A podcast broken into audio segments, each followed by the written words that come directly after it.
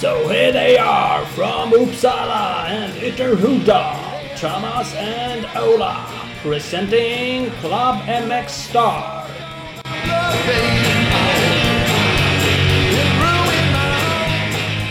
Jajamän, vi har väntat, pausat en, lite för länge, men nu är vi tillbaks. Ja, faktiskt. Då var det dans och pausa. Nu körde vi mycket pausa, nu blir det dansa igen. Mm, nu jävlar dansar vi. vi. Ska vi skylla på någonting att vi har slarvat i några veckor? Vi säger bara, vi har slarvat. Vi har Ja. inte kommit något i alla fall. Nej, Eh. men så enkelt är det. Jag vet ju att vi skapar ju sjuk hype. Nu kommer ju folk undra vad som har hänt. Har de dött? Har de lagt av? Har de slutat? Ja, Var, var, vart är de? Det är det vi håller på att bygga upp. Exakt. Det är eh, avsnitt nummer 2-2 i år. Så det är Chad Reed-avsnittet. Han är jävligt oklar. Då kan vi också vara jävligt oklara. Ja. Han eh, skickar bilder på huskyhojar i jämna mellanrum. Och det byggas Ja. racebikar, ligger ramar och skräpar här och där. Och, Ja, och sen typ eh, två inlägg senare. Då har han varit och hämtat två nya hojar. ja, högst oklar. Vad vänta nu, du hade ju nyss fem ramar låg på golvet. Du får du ju bestämma det. Ja. Mm. Där har jag ett gäng ramar. Då. Pretty unclear. Men ja, det är väl reserva det. De byter ju mycket ramar de där jävlarna. Det är ju fan sjukt. Ja, jag tror det är vansinniga påfrestningar att åka supercross. Det, det kanske är det. Jag släppte ju faktiskt en tech-podd. Kan jag då göra reklam för apropå ramar. Det tycker jag. Om, om mitt Husqvarna fabrikshojet eh, provkörning jag gjorde för Mm. några veckor sedan. Eh, de bytte ju ramar var fjärde race, MX2-teamet. Mm. Så det är klart, det blir ju också några ramar på en säsong. Då. Det blir det ju då, onekligen. Känns ju sjukt. Dessutom är det ju antagligen på racebikarna så de hinner väl inte gå så jävla många timmar. Däremellan nej. På, nej, nej, på fyra race liksom. Det är inte så att de Nej, nej, visst. 150 timmar. Liksom, nej. kan jag tänka mig. Men men, Faktiskt. så är det med det. Så är det med det. Det får man läsa, lä, lära sig mer om om man lyssnar på klubben McStar Tech. Den kan man göra. Den hittar man på alla bra ställen där det finns Alla poddar. stora ställen. Yes box. Så är det. Hörru, vi ska tacka lite partners som vi har. De är magiskt bra. Vi säger det ofta innan vi... Återigen. Men så är det. Eh, Det är de som gör att vi sitter här. Utan, utan, utan dem, inget oss. Så Nej. att, eh, tipset är för att behålla oss, stöd dem. Ja, verkligen. Eh, Och vi har ju bland annat med oss Opus Bilprovning. Eh, Många är vi som undrar vad som gäller ombyggda crossbussar, importerade bussar, registrering av motorcyklar med mera. All den här informationen hittar man hos Opus. Så gå in på www.opusbilprovning.se kan man bland annat söka på eh, registerbesiktning eh, så hittar man alla saker där. Opus Bilprovning, din samarbetspartner när du ska bygga om ditt fordon. www.opusbilprovning.se Yes, och Scott har vi med oss.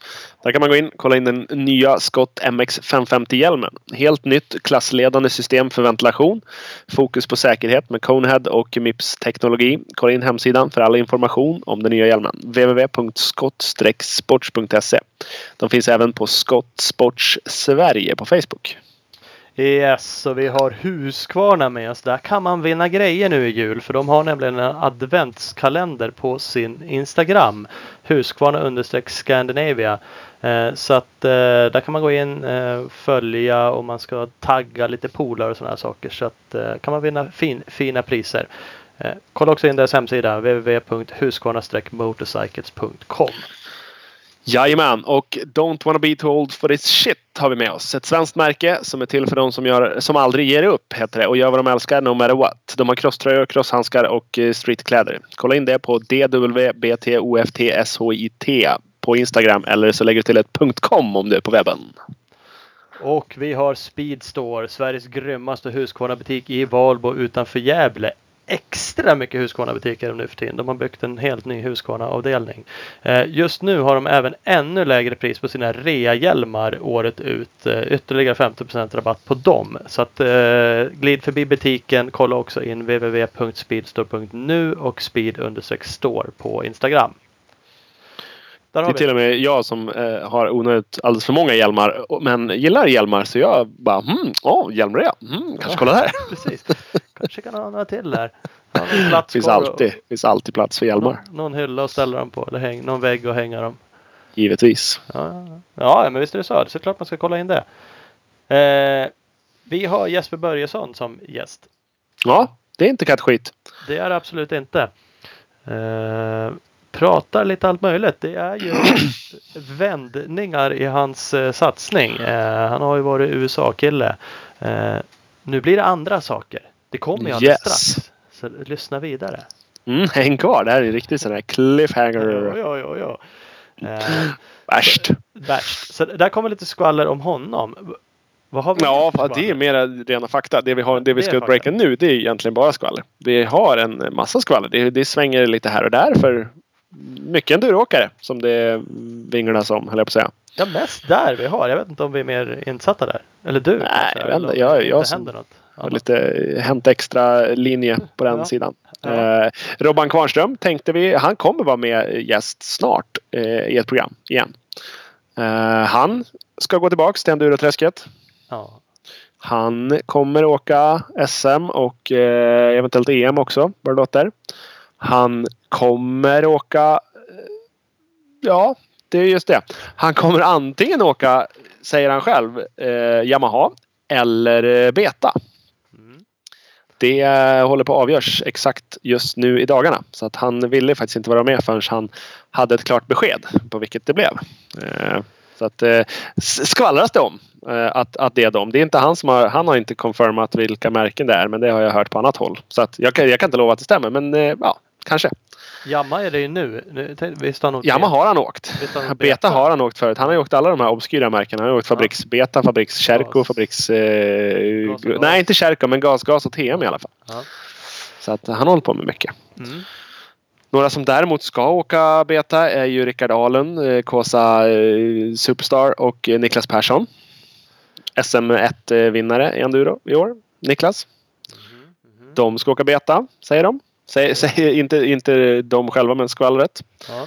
Eh, Micke Persson, Niklas brorsa. Han är ju eh, ung junior-VM Superstar. Var med och vann eh, Six Days förra året.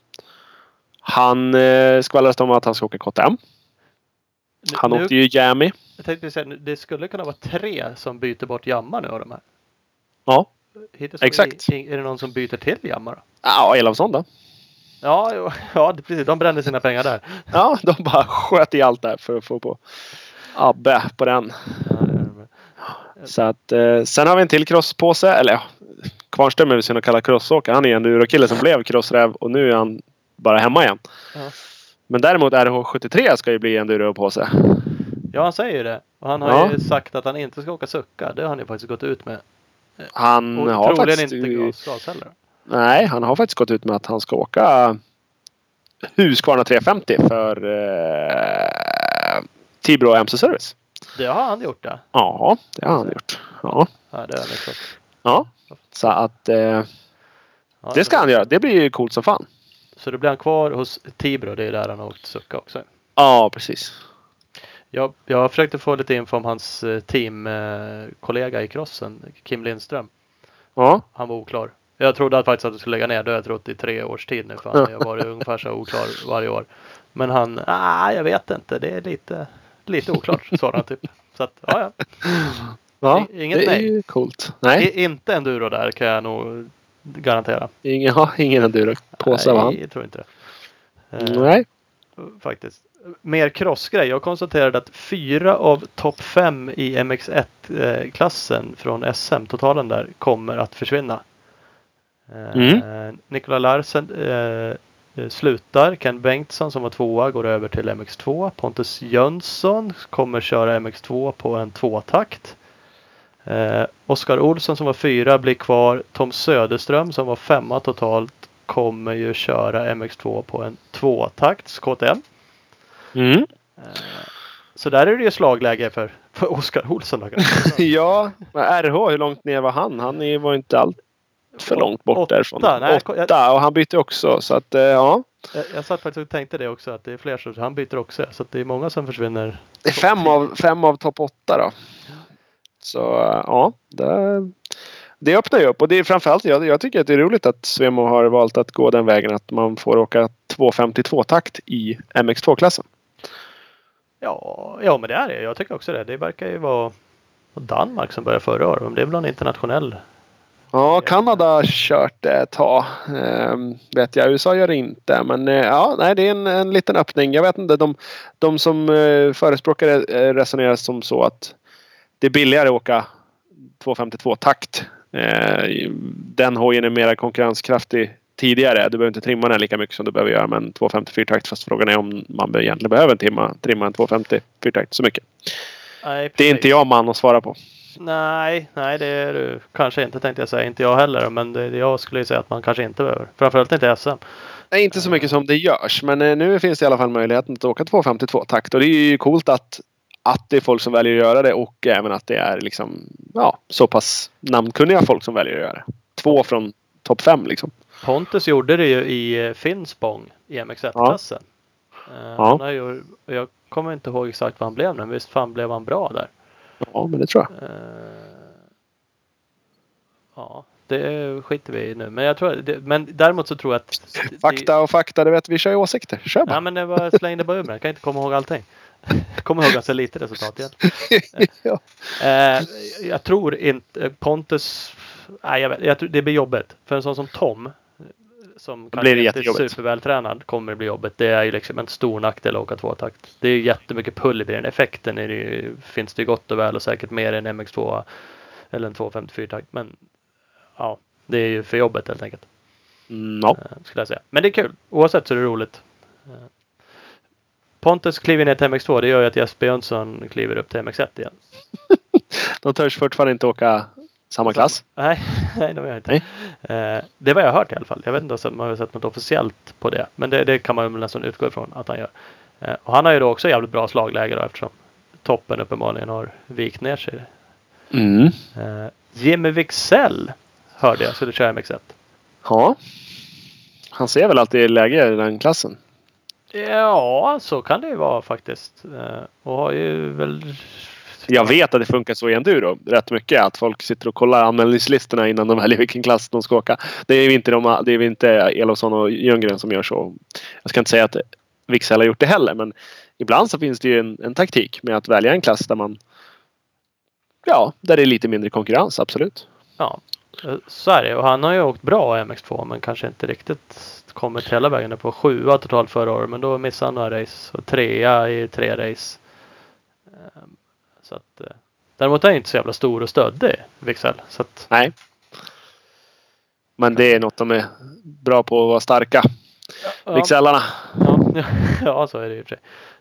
Eh, Ja, där är väl Philip Bengtsson försöker få något vettigt ur. Men han säger ingenting själv. Gissar att han kommer släppa någonting efter nyår. Eh, Men där är ju snacket eh, Yamaha. Och komma hem och köra SM. Ja, precis. Eh, mm. Återigen rykten, men eh, vi, vi vet inte alls varför han är så svårpratad. Han gillar inte oss längre, tror vi. Nej, det är lite irriterande. Ja, lite. Lite sårad blir man ju onekligen. Vill men kan tyvärr inte säga någonting. Skrev han till mig för några timmar. De, om viljan finns så... Precis. If there's a will, there's a way.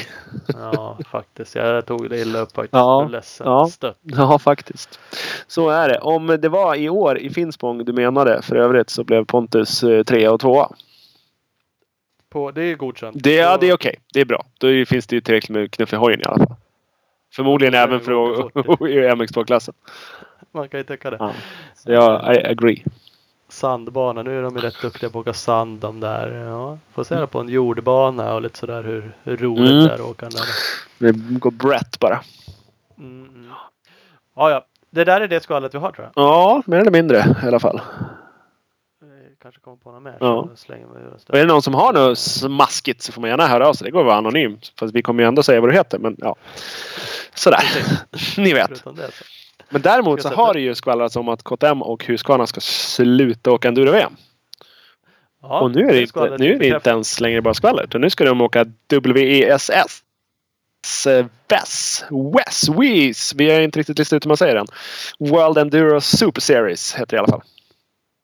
Ja, då kan man bli Ultimate Enduro Champion. Och det är faktiskt inget snack för att vinner man den serien då är man fan det. Helvete vad bra man är på att åka motorcykel då.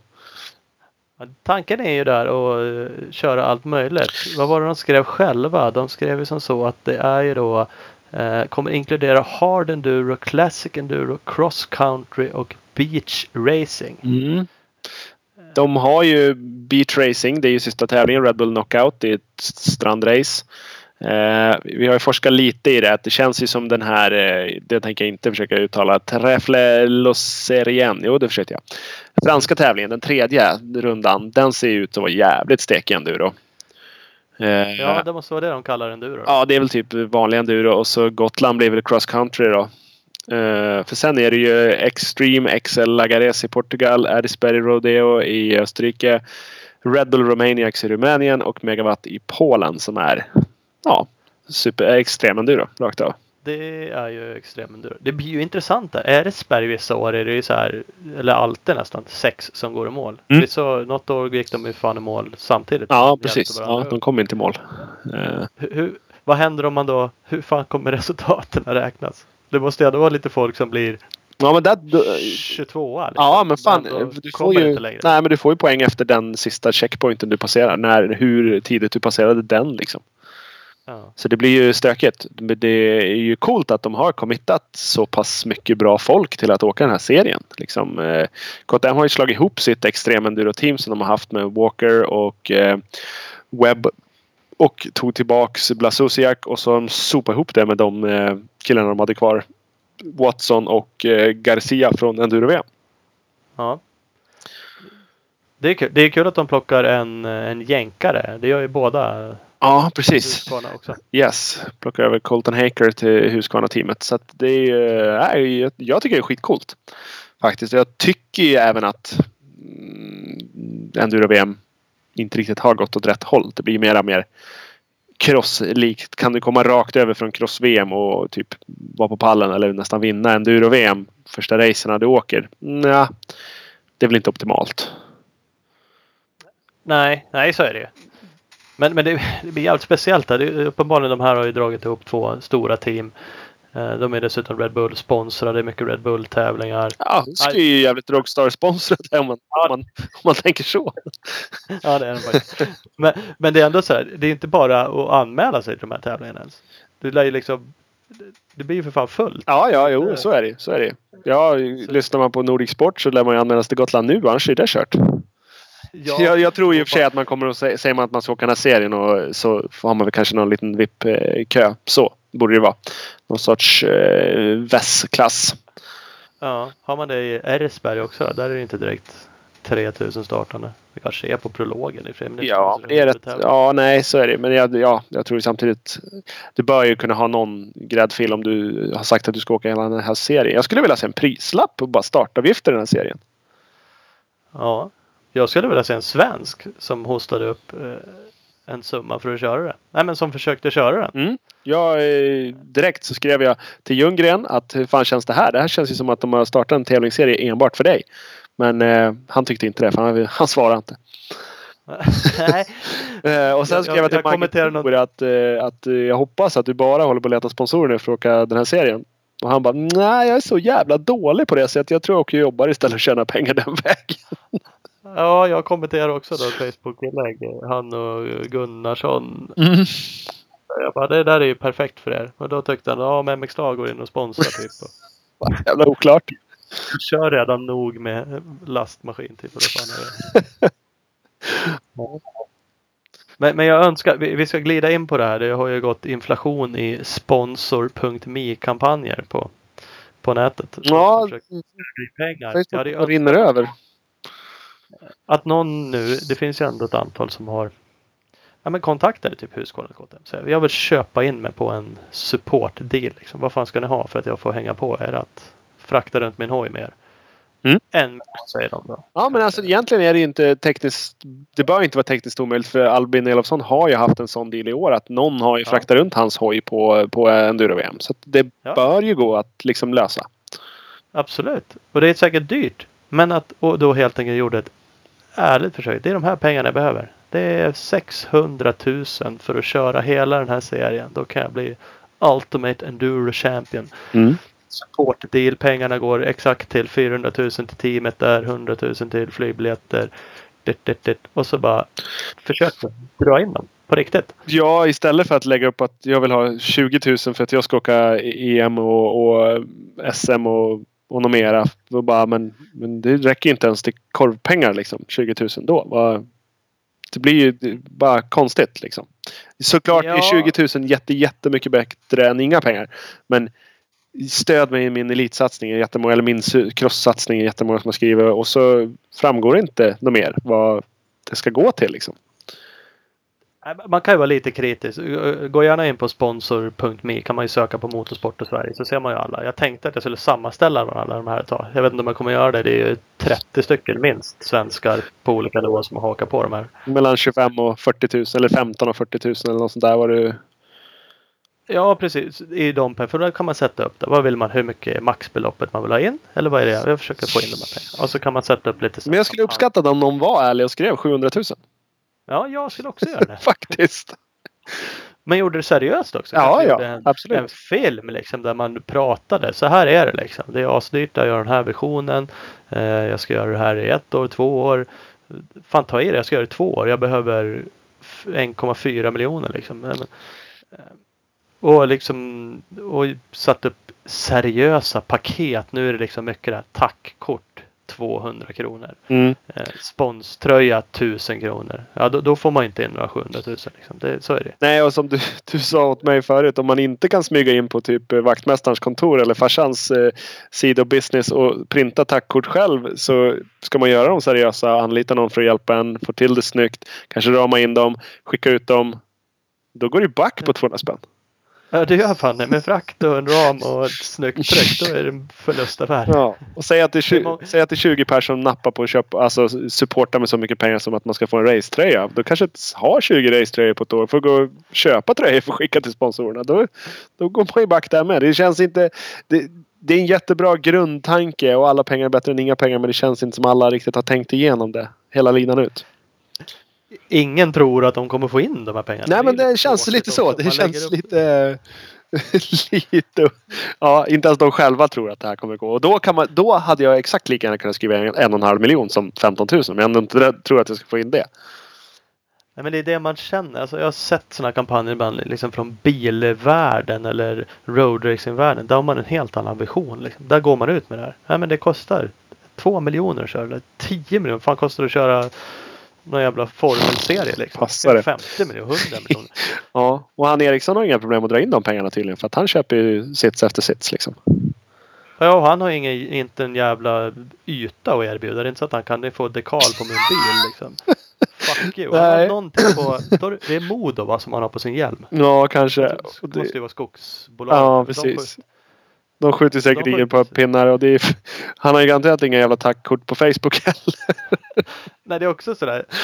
Ja det, det är rätt att skratta. Jag förstår man jag- gör för kampanjer. ja. Så jag ska inte. Nej, vi, vi är inte elaka så. Det är bara att eh, ja, det är olika syn att se på saker. Olika visioner Ja, framförallt. Det här känns det som att ingen av de 29 som har lagt upp sin kampanj knappt trodde på den själv. Nej så är det ju Ja. tyvärr. Och det hade ju varit kul om någon bara gick fan all in och bara gjorde det asseriöst. Affärsplan. Bara pang det här ska jag göra. Det här gör jag i år. Det här gör jag nästa år. Ja, jag, jag, jag tänker inte jobba. Jag behöver 300 brak för att täcka mina omkostnader. För jag ska träna fan dygnet runt. Ja. Ja. Jag ska inte köra lastmaskin som Magnetor. Utan jag ska bara eh, träna. Ja, ja det... Nej men det är nog, var, det var någon som har in 10 000 va, tror jag på. Ja, nu har du max. nio eller sådär. Ja. Och det är ju guld. Det är ju kanon. Det är jättebra. Ja det är 10 000 mer än noll. Ja, är inget. Ja. Eh, Så att, ja, ja, så kan det vara. så kan det vara. Ta det som konstruktiv kritik. Please. Ja, ja, ja verkligen. Det, det, jag var på väg att betala till någon. Men så vart det... ah, Fan, jag skulle kunna göra det. Men så tyckte, jag tycker alla jag har sett hittills har gjort det lite för dåligt för att jag ska känna något riktigt sug. Det är klart jag kan betala in två- 200 spänn till något sånt där. Det spelar ju liksom ingen roll. Men fast då ska ju alla ha. Vet du. nej, det ska fan inte alla. Det väljer jag helt själv. Ja, så är det. Men, men. Däremot så ska jag och har jag redan skänkt pengar till Musikhjälpen. Mm. För Musikhjälpen drar igång exakt idag för några timmar sedan. Idag är det måndag. Eh, Det har du koll på. och, eh, det, jag har- ja men det har jag koll på. Jag tänkte när folk lyssnar på det här kanske inte de har koll på. Men nu är det måndag i alla fall. Yes.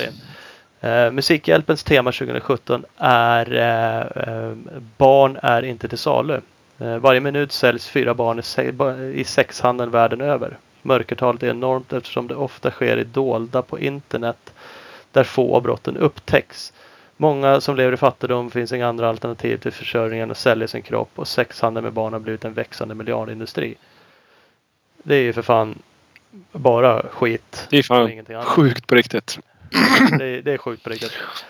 Eh, så att det vill vi ju supporta. Eh, och jag, har, vi har inte dragit någon superkampanj i år. Det finns en sån här insamlingsbössa Mm. som någon annan har startat. Det är en... Ja, berätta du. Vet, nej, vet du vem det är? Ja, men det är, den, det är en av grundarna till eh, Köp och sälj Cross Enduro-gruppen på Facebook tror jag. Ja. Eh, den finns om man är medlem i den gruppen eller om man är medlem i MX for Sale-gruppen på Facebook så finns det länkar. Vi ska också länka ut den på våra sidor. Eh, enklaste vägen att gå in och, och bidra till den insamlingsbössan. Ja men det är ju lite, man kan ju bidra till vilken bössa som helst. Ja. Det blir lite kul då att visa att cross. Den heter, ja precis, den heter Cross Enduro Community Barn är inte till salu. Eh, vi länkar ut den. Så det är lite kul att se. Kan vi då i våran community bidra till någonting? Precis, de körde även den i fjol och fick in eh, ja, okej med pengar. Så det är skitroligt. Ja, undrar om inte jag också då. Tradera-auktioner kan man ju köra pengarna direkt in. Då går de inte att knyta till någon bössa. Nej. För jag gjorde några grejer så jag helt enkelt satte över det till någon sån där samlingsgrej Mm. istället för att starta en egen bara. Ja, nej men det är bara, alltså det är roligt om vi kan samla det och visa att vi faktiskt påverkar. Så är det. Vart också kontaktad av Adam Andersson. Mm. Eh, Enduro-påse-stjärnan som har gått skadad hela året. Eh, nästan. Mycket skadad i alla fall. Men han vann ju JSM-guld 2016. Då var han tvåa på Kåsan. Yes. Eh, Han har ju varit, var på pallen eller vann han Stångebro? Jag är osäker. Han har ju kört bra i några race år men har ju varit knäskadad. Ja. Shit the same. Grym ung kille, duktig. Han kommer vi hjälpa lägga upp en Tradera-aktion där man kan eh, buda på ett träningstillfälle. Och en signad tröja från honom. Men det är ju framförallt träningstillfället som är det som är kul. Yes. Eh, Så det ska vi också länka ut och se till att lägga upp aktioner. Eh, Sen har jag tagit med en grej som jag inte tror jag förankrat med andra halvan av den här podcasten. Nej. Mm. Den har vi kört förut. Ja, det har vi. Vi, lägg, vi lägger upp en aktion med möjligheten att buda hem, eh, buda hem möjligheten att vara gäst i Klubb Mixed podcast. Yes. Det är väl jävligt kul. Absolut. Vi tycker det är kul om någon budar hem det och är med. Man har också chansen att ge bort det till någon kan vi säga. Eller välja en annan gäst om man nu absolut inte vill vara med själv. Eh, Man kanske vill buda hem den åt någon man sponsrar eller ja, vad vet jag. Som man vill lyfta upp. Ja. Så de kommer vi lägga upp. Så kör vi två grejer i alla fall. Får vi se om det blir några mer eh, grejer till Musikhjälpen. ja, vi ska spåna lite. Det kan bli något så här eh, träningstillfälle med Thomas och eh, Ola i bergen i Ytterhogdal eller någonting. Ja, varför inte? Det vore kul. Det vore jävligt roligt. Vi ska spåna lite så återkommer vi med något sånt. Det gör vi. Eh, nog om indrivning av pengar. Jag ringer Jesper Nu, nu Börjesson. kör vi gäst istället. Ja. Perfekt. Jesper Börjesson, välkommen Klubben Mixlar. Tack så mycket. Hur är läget? Jo, det börjar väl rätta sig till. Gör det väl. Eh, Jag åkte på eh, axelgrejer där så att eh, har opererat lite. Men eh, det går ju sakta men säkert kan man säga. Du åkte är- även på vattkoppor, var det så? Jajamän. Ja. Det var det jävlar. Jag, jag har nog gjort eh, allt på samma år tror jag. Allt som man inte borde göra när man är Allt som man inte borta. ska hålla på med har jag Åker hållit på på med. kontrakt. Ja. Ja. Vad vad boring. Vad hände axeln? Kraschade du sönder han i små bitar eller slog du han i led eller vad gjorde du? Eh, nej, det var i somras eller strax innan sommaren så vurpade jag på, eh, på en sprint där borta. Och en jättetunt i vurpa. Så att det var inget som var värt att lägga upp på Instagram och sånt. Utan det var inte häftigt alls. Utan Nej. jag vurpade, tappade framhjulet in i en sväng liksom och slog ur en ur led då. Och sen så åkte jag hem och då opererade jag inte utan jag körde bara rehab och sånt och tänkte att jag skulle bli bra och komma tillbaka. Eh, sen åkte jag tillbaka dit och började köra. Körde Notkin CC och två sprint tror jag. Eller en sprint kanske var till och med. Och sen så när jag kom hem efter den sprinten så skulle jag ta på mig jacka och då så hoppade jag ur igen. Så att det var inte heller så häftigt. Nej, det är ju inte optimalt. Nej. Det är sjukt att den håller för att köra då och så Mm. hoppar den ur när du... Och det är ju då det som händer då när man slår ur den är att man drar ut scener och sånt lite grann och allt blir ju lite stretchat liksom. Och när man står och kör så är man ju så jädra spänd hela tiden och muskler som håller emot i just det läget liksom. Och sen när man är avslappnad då så är det inget som håller emot riktigt utan då är det ju lätt att han, att han glider ur igen då. Det var ju, var det som hände. Så att det funkade att köra när jag var stark där och höll emot hela tiden och sen så ja, tänkte jag inte på och, och slappna av liksom och då åkte han ur. N- när den hoppar ur andra gången sådär, är den skitlätt att få tillbaks då? Märker man det också att den, det här är bara... Eh, nej, jag, jag visste ju inte hur man skulle göra först och främst. Så att, eh, jag vågade inte. Och det var ingen annan som visste där heller hur man skulle göra riktigt. Så att vi åkte till sjukan igen och sen så blev man ju sövd och sånt. Så det var ju gött. Ja okej. det Så var... att jag vet egentligen inte så mycket om, om det där. Det svårt då. Men det var lätt att få ur den i alla fall. Ja det var det. Ja, det var inga problem. Nej. Jag har lärt mig nu efter kåsan att har man, eh, har man axelproblem ska man ringa Martin Igmark. För han har inga Mm. axelproblem alls. Mm. Nej, det var ju jag som la tillbaka den på honom. Jaha, det var så. Du, du visste hur man gjorde nu. Nej, ja, nu vet jag ju då. Men det var, han berättade ju det när han... Ja, när det hände där så sa han ju då att axeln hoppade i led och då var ju, ja, det var ingen annan som vågade dra tillbaka när jag stod närmast liksom. Så då Ja. sa han dra neråt och då gjorde jag det. Så kluckade det till, sen drog han.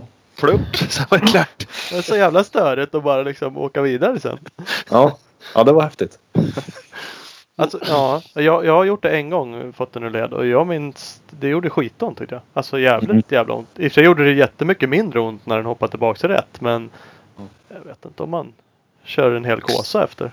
Sådär utan Nej.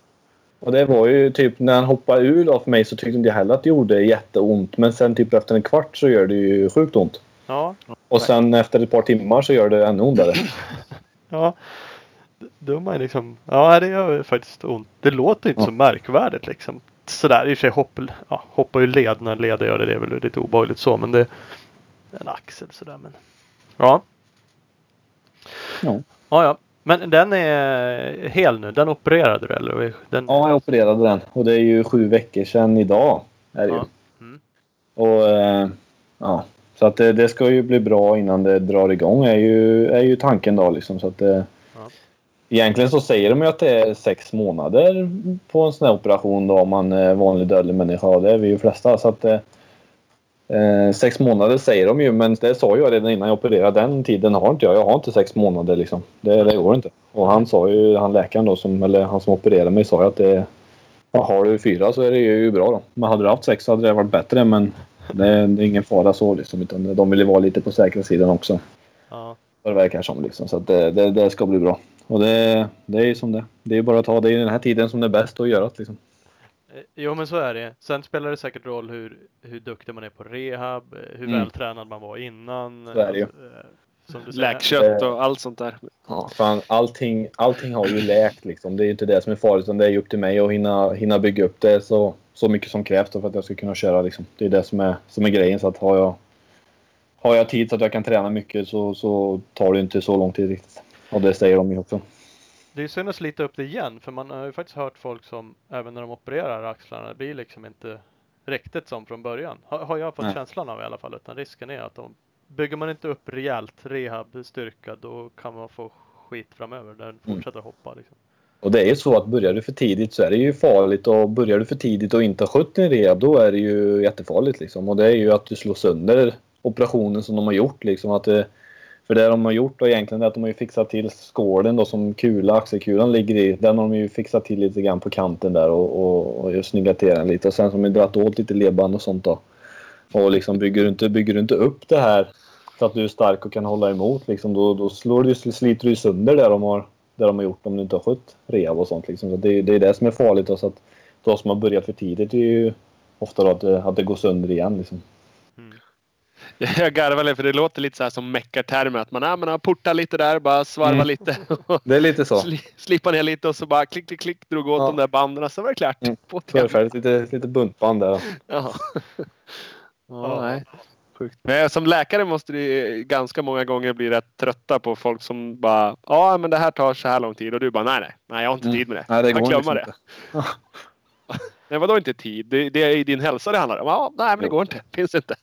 Nej, men så är det ju. Och som sagt, hade jag börjat nu så hade jag ju varit dum liksom. Men eh, som sagt, ja, det, det behöver inte ta sex månader utan det, det går att göra det fortare. Men ja, självklart så ska jag inte börja för tidigt. Och när axeln hoppade i led första gången så var det ju... Ja, då körde jag ju typ på tre månader liksom och då, då är jag liksom... Då är jag verkligen på säkra sidan, eller ska vara. Och då gjorde jag allt jag kunde för att det skulle bli så bra som möjligt. Men risken är ju ändå att han hoppar ur igen då när man har gjort det en gång. Så är det ju större risk att den, att den hoppar igen. Och då, då blir det en operation och sen så blir det ju som Migmarks då att den... Det, hoppar i ur lite hur som helst. Verkar som. Mm. Ja, ja, så kan det vara. Hörru, Du pratar ju liksom om att vara igång. Eh, och frågan är lite vad du ska vara igång till. Du har ju hintat till oss Mm. att det är annat på gång. Du har ju kört i USA. Tanken var att du skulle fortsätta i USA. Vad händer? Så var ju tanken och eh, det är så att det har blivit lite problem kan väl säga och det är inte från mitt håll utan det är från teamets håll i USA och eh, i år så har det funkat hur bra som helst. Det har varit superkul och de har stöttat mig hur bra som helst. Eh, problemet nu då som kom bara för ett par veckor sedan var att de har tappat en stor sponsor till, till teamet då, som egentligen driver runt större delen utav, utav teamet och framförallt min deal då. All right. Eh, så att eh, jag har ju fått, eller det som är då var ju att min deal till nästa år hade blivit mycket sämre för att ja, av ekonomiska skäl att han inte har pengarna och kan inte riktigt leva upp till kontraktet som vi hade liksom och då har jag fått en annan deal för han vill ju egentligen att jag ska fortsätta köra givetvis. Men den dealen är så pass mycket sämre eller kommer bli jag kommer inte få den hjälpen som jag fått och då, då kommer det inte fungera riktigt som det, som det var tänkt. Eh, och det som är problemet för mig då, eller man säger i det kontraktet som jag har så, så står det i att om jag är skadad i mer än en månad så har jag rätten att bryta kontraktet. Så att det är egentligen det jag faller på, att han kan göra sig av med mig då på, på den anledningen att jag har varit skadad. Men i grund och botten så finns det inte pengar så jag kan inte tjafsa emot heller utan jag gör det bara snyggt och, och, och sköter det här liksom. Och det, det har blivit som det har blivit. Jag kan inte göra någonting åt det. Det kan inte han heller. Utan kommer det sen att han löser det här så kommer jag ju antagligen få komma tillbaka och fortsätta och, och köra för att det, det vill han ju liksom. Men Mm just som det är nu så går det inte, inte att lösa så att då, då är det så. Är det hoj, hoj uppbackningsmässigt eller är det liksom eh, pengar för att kunna leva och, och bo där? Eller vad är det som... Det är, väl, det är väl allting egentligen för att jag hade ju en, en superbra deal, alltså ett jättebra kontrakt eh, kan vi säga för att, för att köra motorcykel. Och jag hade egna mekaniker, jag hade fria cyklar och all, alla delar, allting. Det var ju det var ju teamets kostnad eller man säger vad de nu fick betala. De hade mycket spons på det också givetvis men Mm. det, var, det var ingenting som jag ju brydde mig om alls liksom. Och det var ju de mycket av det som, ja, att jag hade egen mekaniker, att cyklarna var fria, att ja, delar och sånt. Det kom ju mycket från den sponsorn då som inte längre finns kvar. Och då eh, är det det som är problemet helt enkelt. All right. Det, det är rätt häftigt. Det är kul att höra att du ändå har haft en så pass bra deal. Eh, Det är Mm. lite luddigt det där. Det är, det är många som åker i Europa och det är VM och det är enduro och det är för, eller ja, det kan vara fabriksdealer också men teamdealer. Och ofta är det inte så jävla märkvärdigt. Låter det som i slutändan ändå. Det, det låter Mm. märkvärdigt i början men det är inte så märkvärdigt i slutet. Eh, Det här låter ju rätt så schysst faktiskt. Så fria grejer. Bara det ordet om det stämmer dessutom är ju rätt nice. Mm. Och det har varit toppen alltså. Den, det är ju den familjen som jag har bott hos, eller de som, som driver teamet har ju också backat upp hur mycket som helst. Och jag har haft fritt boende, de har tagit hand om alla transporter och, och jag har haft mekaniker och cyklar. Liksom allt det här. Så det har varit en, en fabriksdeal egentligen kan man ju säga. Eh, som med, med hjälp då, med grejer och sånt. Så det har varit helt, helt fantastiskt. Alltså. Det kan ju inte bli bättre än så när man bara kommer dit och bara... Som, hur, som kommer från liksom Sverige så. De har ju inte skitbra koll på det heller egentligen. Utan de är ju mycket amerikaner är amerikaner. Då är det amerikanska grejerna som gäller liksom. Sen vad resten av världen håller på med det är inte de jätteinsatta i liksom. Det. Frågan är då va- varför hjälper de dig och inte någon amerikan? Eh, visst, det var ju så att jag... Det som hände egentligen att jag kom dit överhuvudtaget då var ju att Josh Strang kom till, eh, kom till Gotland och körde. Mm. Eh, och han, eh, han, han är från Australien från början men bor i USA. Han kör Husqvarna Rockstar-teamet där. Eh, och då så sa han bara, liksom, jag kom i kontakt med honom då och började prata och han sa bara att du borde komma och, och prova att köra liksom. Att du borde köra um, USA, bara komma och testa och se hur det är. Och då var då tankarna kom igång lite att ja, varför inte liksom. Det är ju fler, som har gjort det så att det borde inte vara omöjligt. Eh, Så då började jag jobba med det där och höll på att försöka lösa alla bitar då. som, som krävs. Det är ju det är inte bara att ta en vä- väska och åka dit och hoppas på det bästa utan det är ju rätt mycket jobb och fixa kontakter och jag fick tag i det här teamet som, som jag körde för sen och åkte dit och så körde jag en, en sprintserie. Mm. Eller en sprinttävling då i, i, i den serien.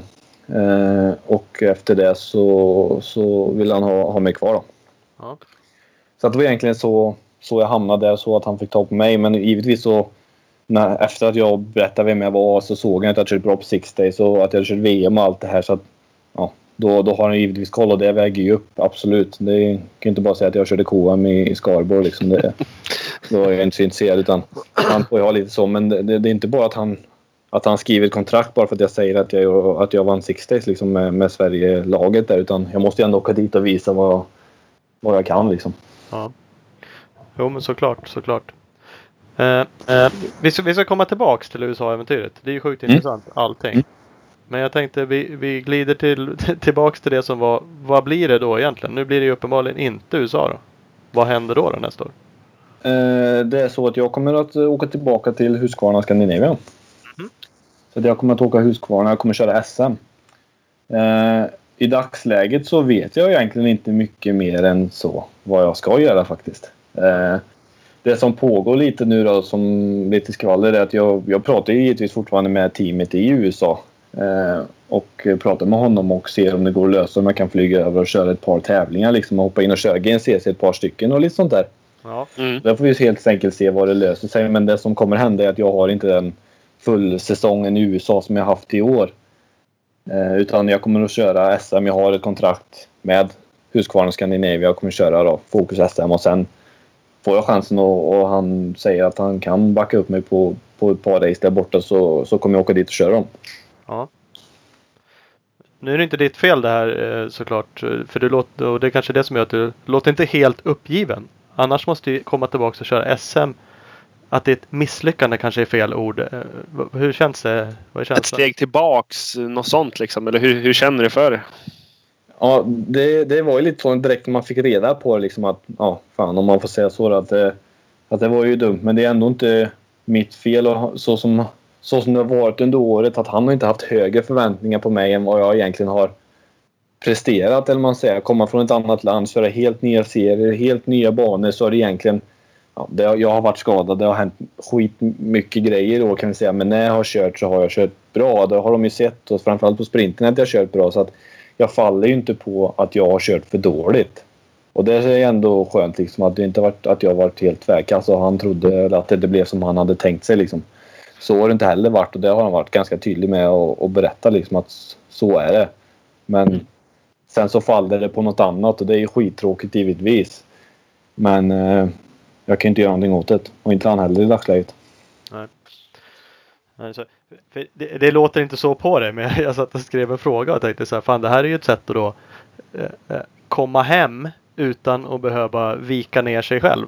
Men det finns ingen sån känsla att fan det var rätt. Fan lite skönt att det blev så här ändå. Nu kan jag komma hem utan att behöva komma krypandes. Alltså det är ju det är både och. Visst, det är skönt att vara hemma också för att här är ju allt folk liksom. Sverige är ju ändå Sverige. Det är här man är uppvuxen liksom. Mm. Ehm, men det här var ju liksom inte planerat att jag skulle åka tillbaka så att det är väl det som är, som är synd liksom. Och just det, det värsta är att jag tycker att det har gått dåligt i år. Att jag inte fick ut vad jag hade hoppats på där borta av olika anledningar. Så då är det segt att jag inte fick chansen att, visa på ett år till. Det är mest det som, som är det värsta tycker jag. Att jag inte fick till det någon gång egentligen på hela säsongen och sen så ja, blev det inte mer än så. Kanske. Nej, Nej. precis. Det, det är väl inte hur många andra team som helst som bara kastar sig över. De kastar sig säkert inte över någon. Eh, och även om du uh, okej vissa race där borta och du har gjort bra resultat six days och sådär så, eh, så kan jag tänka mig kanske att det, det slängs inte teamdealer åt höger och vänster. Nej, det, det gör det ju inte. Det är ju, branschen är ju tuff alltså, där vi, där vi håller på med. Så är det. Och det blir inte bättre när man kommer i december och frågar om man kan försöka åka nästa år. Liksom. Nej. Det blir inte heller, heller lättare, lättare då. Det är, jag kan inte skylla det på någon att han kommer sent. Liksom. Han har jobbat in i det sista med att få ordning på det här och med, de här sponsorerna där. Och sen så, sen så gick det inte helt enkelt. Och då, då blev det som det blev. Men jag är ju för sent ute. Det är det som är problemet också. Och sen så har det inte gått bra. Hade jag vunnit, hade jag vunnit till hela serien borta så hade antagligen ett annat team varit sugna. Men nu har det gått dåligt enligt mig. Ja. Och då, eh, då hoppar de väl inte på en allt mycket. Hur, eh, hur har liksom vad ska jag säga, hur har det motta- mottagits av de andra att han har valt att hjälpa dig och inte någon annan? Eller har de tyckt att det varit coolt att du har varit från Sverige eller har de liksom tyckt att Åh vad fan, den här killen åker ju bättre. Nej, det har varit eh, väldigt positivt måste jag säga. De tycker att det är väldigt häftigt och amerikanerna är väldigt trevligt folk måste jag säga. Att de, de har tyckt att det här har varit väldigt coolt och jag fick mycket uppmärksamhet att det kom från ett annat land och, och körde. För att det var ju egentligen inte många som eller många som är det. Det var ju Strang då, men han har ju varit där i tio år nu. Han kommer från Mm. Australien. Eh, Jack Edmondson från England. Han var ju där och körde. Han körde ju bra i den här 125-klassen. Och sen så är det ju Taylor Jones, men det är ju egentligen vi som är invandrare, eller vad säga. Ja. Från annat land liksom. Så att det, det, var, det, var, det var häftigt och de var inte negativa utan det var mer att de tyckte att det var bra. Då visade de ju kanske att deras serier är bra. Att vi ser, även fast vi kommer från lilla Sverige så har vi ändå sett att GCC finns liksom. Så det, Ja. de, de tycker att det var, att det var häftigt. Ja, det är coolt. Det är det absolut. Mm. Eh, hur, hur blir det SM nu då? Vad blir det för klass? 2016 var sist du körde va? Då var det JSM Silver och trea i totalkuppen du blev. Ja, Då var du skadad då va? Ja, och det har ju också... Alltså det har ju hänt någonting egentligen varje år något litet och SM-serien är inte så lång. Det har inte varit så många deltävlingar så har det hänt något i någon så är det ju svårt att, att ta ikapp. Så att det var ju egentligen... Var första året där som jag hade chans att vinna var det ju egentligen Linusson som var sjukt vass och han vann ju nästan alla men bröt en och sen så fick jag stå över en. På grund av en liten knäincident där. Eh, och sen då missade jag det även året därpå första deltävlingen så då var den också förstörd eller man säger. Då hade jag en chans att vinna den heller. Eh, så att det var, det var lite sådär. så det var, sen så var jag på Vimmerby där eh, en gång också. Så att det, ja, det har, jag har haft svårt att få ihop hela säsongen kan man väl säga. Mm. Men vet du vilken klass du kommer åka eller? Eh, Jag tror, ja, jag vet ju att jag kommer åka 350 i alla fall. Och antagligen så blir det i SM2. Okej. Jag är junior då ett år till egentligen. Men eh, så som det ser ut nu då så, så blir det SM2 i alla fall. Ja. Du ser. Det blir grymt ju. Så att det, det svänger i pingis. Ja. ja men det gör ju det.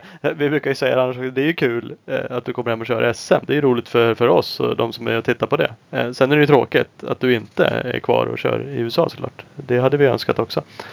Eh, men det är ju som det är. Finns det några andra planer? Nu sa du i och för sig kanske blir lite USA-vänder. Du tittar inte på VM, EM eller någon annan serie liksom Europa? Ja, det, det, alltså det, det är så att jag vet exakt inte vad jag kommer att göra och det hänger mycket på vad de säger där bortifrån. Om jag kan åka dit och köra. Kan jag inte det, att de inte kan backa upp så som, som jag hoppas på så ja, men då kanske jag tittar på EM eller jag kanske åker eh, något VM. Det, utan det, det kommer ju rätt sent där och jag har inte vetat det här så länge heller så att jag har egentligen inte hunnit tänka så mycket på något annat utan vi, och nu är jag ju skadad dessutom så att jag får inte köra morskor på ett tag och det det är ju ändå ett tag kvar innan de andra serierna drar igång så att jag har lite tid på mig att att spana på vad jag, vad jag kan hitta på och, och lösa det sen i så fall. Men eh, vi får helt enkelt se vad de säger där borta. Det är det som, som styr tycker jag. Ja, Mm. du brukar åka och tricka över lite stockar och grejer. Du kanske ska köra nya World Enduro Super Series. WES-serien där. Ja, det är ju Gotland det lär mig åka i alla fall. Ja, då Mm, var det Men ju sen en. är, ja, det var ju en tävling i alla fall. Ja, precis. Det är bara sex, nej sju kvar. Det är, kommer bli ett sjukt startfält på Gotland. Så, är, så enkelt är det. Så är det. Eh, det, det är ju bra för, för Gotland men eh, det vill ju till att de tänker till lite också för att det faktiskt kommer värstingar från hela världen nu liksom. Och det har ju varit lite prat om när de körde Gotland sist, det där med att de körde med motion och sånt. Det kommer ju absolut inte fungera om de kommer att köra en sån tävling. Så att det, det blir intressant att se hur det, hur det kommer att lösa sig. Det är ändå många som startar på, på Gotland och, och helgen är inte längre bara för att den här cupen kommer liksom. Ja, det har de faktiskt löst. Det har de flyttat två klasser i alla fall. Två motionsklasser till eh, fredag. Okej, ja men det är bra. Har de gjort. Så att, eh, Att det kommer inte vara några säkert bli motionärer.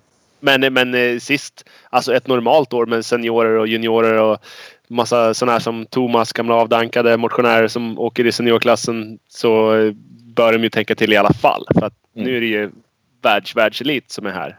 Ja. Ska du flytta mig nu? Vad när ska jag köra? Ja, när fan ska du köra? Ja, men jag vet inte. Du och Garcia, ni är inte riktigt samma. Säg inte det på Sådär. Gotland. Säg Nja. inte det. Oklart. Vi får väl se. Han är i Gotland liksom. Ja, precis. Så är det. Så är det. Eh, men eh, hoppa tillbaks till USA för det tycker jag är intressant. Hur, eh, det måste vara tråkigt med att inte få åka GNCC ett år till. För att som jag fattar det så där får man inte gå banorna överhuvudtaget. Nej, ja, det, ja. Egentligen då, så som du ser en, en tävlingshelg då egentligen. Jag kommer ju dit ofta på fredagen. Ja. Eh, och det kan jag ju inte göra så mycket utan jag åker ju för teamen åker dit liksom. Ja. Eh, på lördagen så är det ju fyrhjulingar hela dagen. Ja.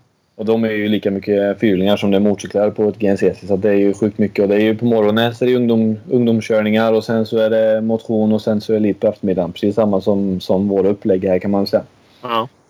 Eh, Jag får ju inte göra någonting egentligen utan det jag gör då är ju att anmäla mig och eh, gör en besiktning. Och den besiktningen är inte riktigt som en svensk besiktning heller utan de kollar att jag har rätt nummerlapp på hjälmen och att transpondern fungerar. Sen så är det ditt problem. Det är klart. Ja. Ja. Så att det är vad jag kan göra på lördagen då. Eh, för vi har ju helt enkelt förbud att gå banan innan söndag morgon. All right. Så du får egentligen inte ens gå ut och titta på fyrhjulingarna? Ja, Jag får titta på fyrhjulingen om de kör på eller om de har något, eh, någon backe eller någonting. Då får jag gå dit och titta men jag får liksom inte gå på banan. All sen, men right. jag, får, jag får titta på racet men jag får inte gå banan. Så det där är också en avvägning. Då kan jag ju titta på racet ut med hela banan om jag vill. Ja. Men, eh, ja men du vet det är lite, sådär, lite luddigt. Ja. Men vad jag vet så sköts det ganska snyggt. Att, och det här är det, det som, de, som det gäller då det är ju 450 Pro och 250 Pro-klasserna helt enkelt. Alla andra får gå. Ja. Så det är bara våra två klasser som inte får gå banan. Och anledningen till det är att när vi har våran bana, våran pilade bana liksom, så blir den uppkörd. Och sen så får du köra 10 meter åt varje håll utanför banan i okörd terräng. Liksom. Så att du kan ju helt enkelt dra lite vart du vill. Hittar du ett spår så kan du dra där liksom. Mm. Eh, och det började väl för, vad jag hörde för ett par år sedan så var det ju folk då, när det inte var förbud på att gå så var, kom de ju på onsdagen liksom. Sen gick de och hängde upp band och sånt i träden för att hitta sina egna spår liksom. Ja, byggde tyckte en egen att det bana. där- Ja, tyckte att det där spårade ut lite grann så då sa de att då är det förbjudet till söndag morgon. Och då får vi cykla banan. Och vi kör ju även sån här cykel med batteri på. Sån här pedal assist heter det Så att typ Okej. en downhill-cykel med batteri då. Men vi måste trampa. Det får inte vara gasantag på dem utan vi, vi måste trampa. Men då hinner vi köra banan ett varv men vi hinner liksom inte mer än det. Så vi hinner Nej. inte stanna utan vi, vi hittar våra linjer i farten när vi cyklar bara. Sen så är det ju tanken att vi ska hitta det när vi kör. Liksom. Att den som har bäst sinne för att hitta spår det är den som, som tjänar på det. Liksom. Ja. Det är ju, det är ju lite rätt på ett sätt också. Men det är ju... eh, Men det är speciellt om man liksom bommar den linjen och hamnar till vänster om ett träd och så svänger alla höger före. Ja, och det där är just att det ska vara 10 meter utanför varje, eller utanför banan då, eller man säger. Men sen, de har ju kört samma banor i princip alltid och det blir bredare och bredare för varje år. De pilar bredare och bredare för varje år så att det blir ju... På vissa ställen så är det ju 50 meter brett från innerspåret till ytterspåret liksom. Och då är det lite svårt om jag ska chansa. En som inte kan banan eller man säger... Ja, det gäller att veta vart fan ska innen är någonstans. höger eller vänster och så chansade jag på höger så tappade jag 10 för att det var ju 50 meter längre liksom. Ja, ja visst. Det, det, det har varit det svåra egentligen att hitta de här, de här spåren. Och den- jag hamnade bakom en kille en gång som är, som är toppen i min klass för vi var med i en startvurpa där så att han låg precis framför mig och han det syntes ju så tydligt att han visste ju att bakom de här stenen så går det en innerök så att han kunde plocka de här hela tiden och jobba sig upp. Men liksom, okej. jag hann ju inte reagera knappt på vad han gjorde för han var liksom, hade kört om mig. Jag hamnade ju bara i, i ledet lite grann för jag visste inte hur banan gick. Liksom. Och då, det, det har jag tyckt var, var svårt och då hade det ju varit bättre för nästa år om jag hade haft lite bättre koll på banorna. Jag har lite koll på de här spåren, liksom, vilka som, som går fortare än de andra. För i år så var det ju egentligen helt i, i blindo kan man säga. För man, ja, det som är problemet också när vi ska cykla eller gå våran bana då, så kör ju ungdomarna, ungdomarna samtidigt. De startar vid åtta liksom. Och så All right. kör ju på banan samtidigt som jag cyklar liksom. Jag cyklar på vänster de kör på höger. Och sen så startar motionärerna efter en stund sen så att det, det, det är lite svårt också. Man kollar mer bakåt än framåt emellanåt liksom. Ja. Det, ja. ja, det är lite speciellt. De som har kört i flera år då liksom. Även om du skulle ha kört ett år till. Det är klar fördel. Men jag, i alla fall jag skulle inte ha kommit ihåg allting. Eh, Nej. och de som har kört flera år då, det är klart. Ja, då, då har man ju ett antal linjer och ett antal svåra passager kanske som man har stenkoll på. Och, eh, ja, lite andra grejer som man får. Ja, men som att köra Gotland. Har man kört det snart tio gånger som jag har gjort. Man kommer ihåg hela banan liksom och vet ungefär Mm. vart det svänger och där är lite kalksten, där är lite så. Eh, Det är klart det är fördel. Ja. Och det ser man också då att jag är ju rätt hetsig på liksom, Jag vill ju tidigt på morgonen och cykla så mycket jag hinner liksom. Eller cykla så, så mycket som går. Men det är ju sådana i min klass som inte går banan för att de kan den ju redan. Liksom, de är Ja. inte ute och tittar på morgonen. De lägger inte energi på det. Utan de, de vet ju hur de ska köra. De har ju kört där i sju år liksom. Ja. Hur, eh, hur är banorna då? Är det liksom, finns det några så här ställen där det påminner om svensk enduro? Där det är stenigt och rötter och så? Eller är det bara finåker? Man upplever ju att vissa tävlingar är det mera stenigt. Som den här eh, Horseshoe, eller vad heter den, som går upp i skidorten där. Ja, snowshoe. Ja, Snowshoe. Den, är ju, den känns ju som att den är mera svensk-lik. Mm. Och det, det skiljer sig ju ganska mycket men, det, när man tittar på en film från amerikanska banor så tänker man alltid gud vad fint det är eller att det, att det ser sjukt bra ut. Och den, visst, det är jättefina banor men jag fick inte riktigt samma... När jag körde första racet så fick jag inte riktigt samma syn på det som jag hade haft innan. Nej, Utan det är ju i helvete. brutalt tufft alltså. Ja. Det är dels... Eller, det är ju en annan typ av bana, en annan typ av skog. Det blir sjukt mycket rötter på, på många ställen. Eh, men största problemet är att de kör fyrhjuling först. Okej. Det är det som är svårast. Och, och det, eller det är inte bara fyrhjuling, de kör ju bilar och allt möjligt skit där det går liksom. Där de Mm. Och det river ju upp något fruktansvärt. Just att en fyrhjuling de kör, de gräver bara bort jorden emellan alla rötter hela tiden. De kör ju aldrig av några rötter för de är inte så grov, grova mönster liksom. Så att på Nej. många ställen så är det bara ett, ett nät av rötter som, som Matta, ligger uppe liksom. på liksom. Ja. Och ändå stora för de har ju bara grävt bort allting emellan. Så att eh, banorna blir tuffa och samtidigt som de kör så de gör ju inte de här sjuka stalperna riktigt utan de gör ju bara trottoarskantig stalp för deras fjädringsväg är inte riktigt så lång som vi har på, på cykel utan det blir så sjukt kantigt när de kör. Och sen då kommer motionsmotorcykel på det också som gör de här lite större groparna så att i varje grop så är det ju en, en trottoarskant liksom. Okej. Det är lite jobbigt för rammarna. Mm.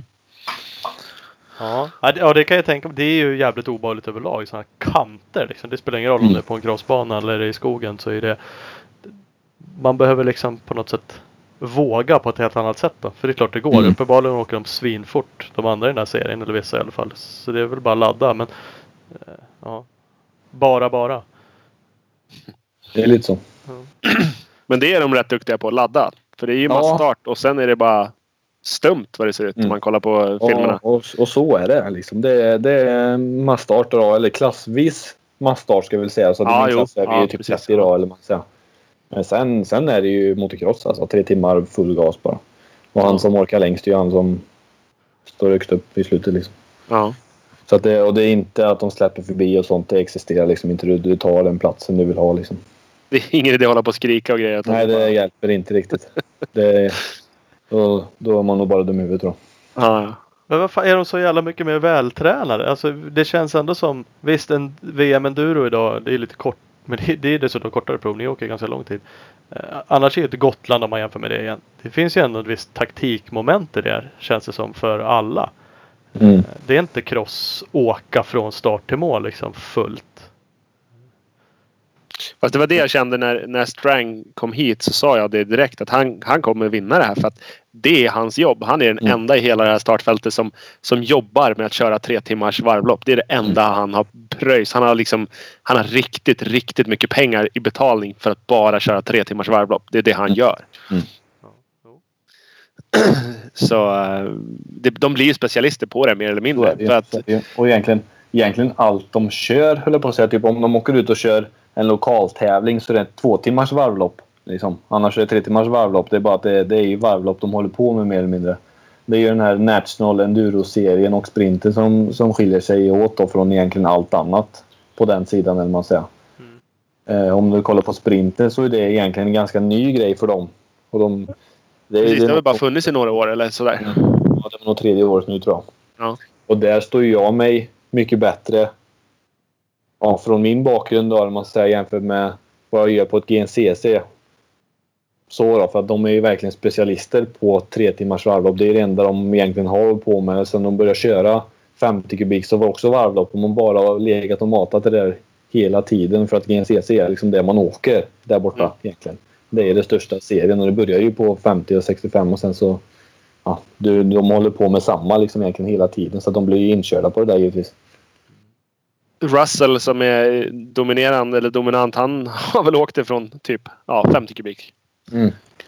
Lite så. Så att eh, de har ju rätt bra koll liksom. Och de, de har ju alltid tränat bara för det liksom. Så att det, och jag, jag typ, så som jag kände då när jag kom dit. Jag hade ju problem med värmen också. Att det är ju sjukt varmt och sjukt hög luftfuktighet. Så jag körde med min USW Camelbag. Och liksom jag, jag körde ju slut på den. Alltså ja, sex varv skulle jag egentligen åka. Och fyra varv så var ju den tom liksom två liter. Så att då började jag ju köra med, med flaskor och sånt liksom.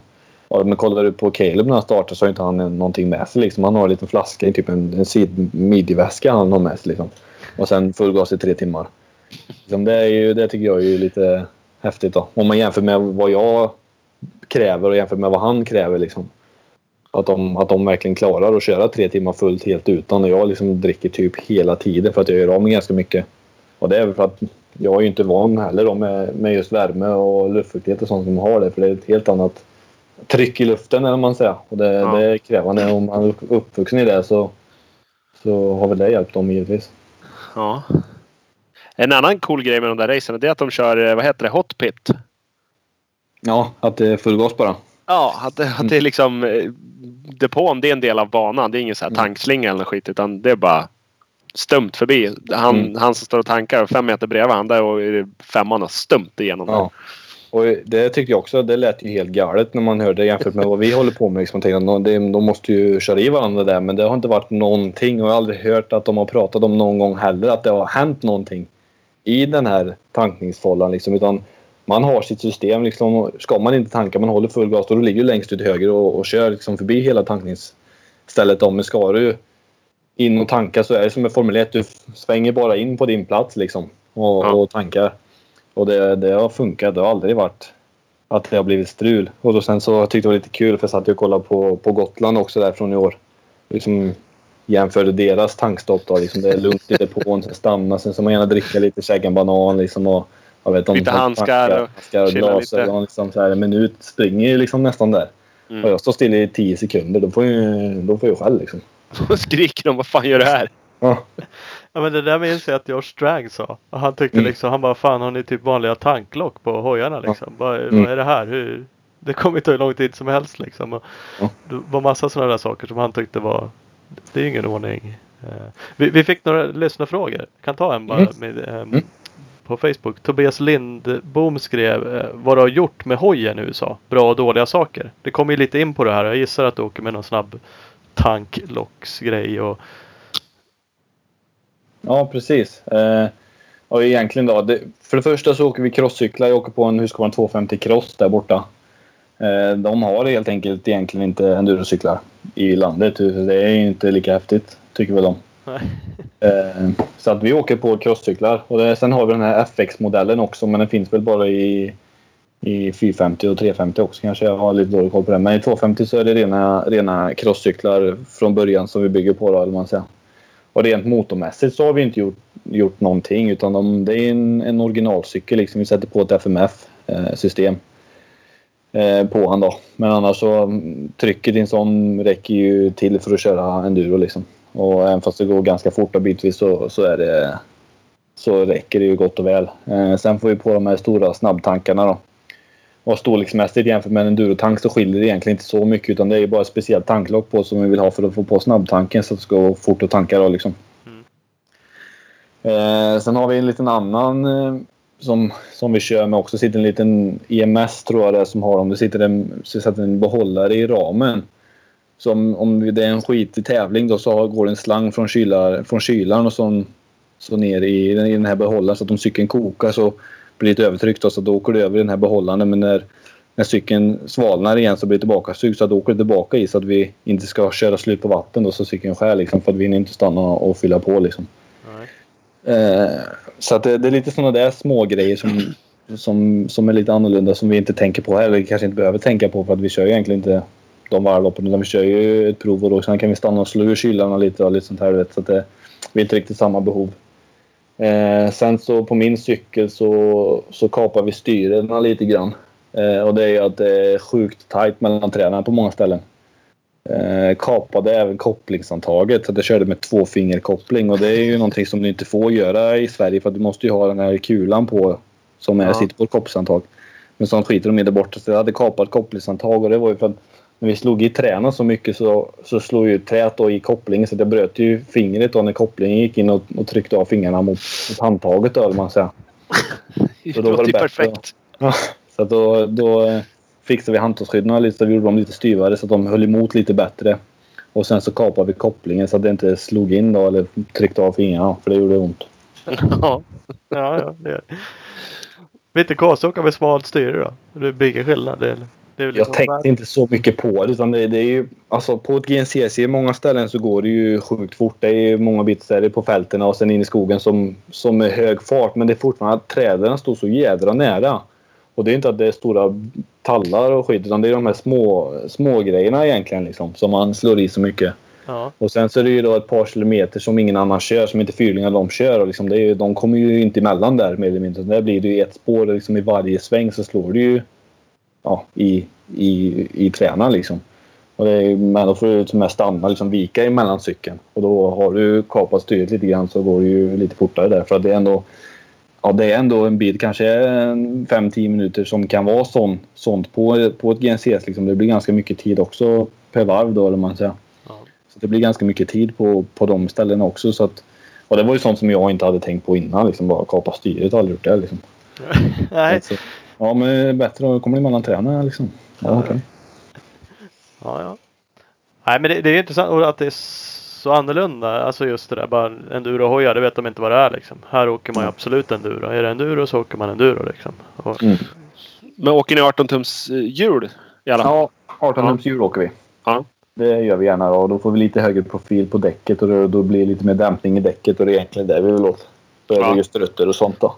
Och sväljer de där jävla trottoarkanterna lite, lite Ja, bättre. eh, få lite dämpning i däcket helt enkelt. Och Det, det, är ju, det är ju skönt. Det hjälper ju givetvis. Så det, det gör vi också.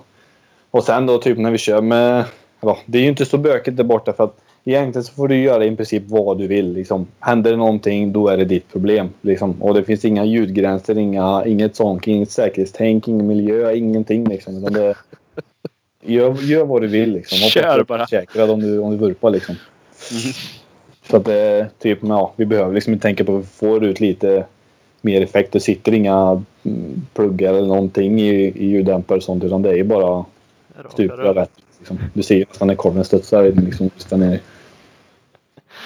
Ja.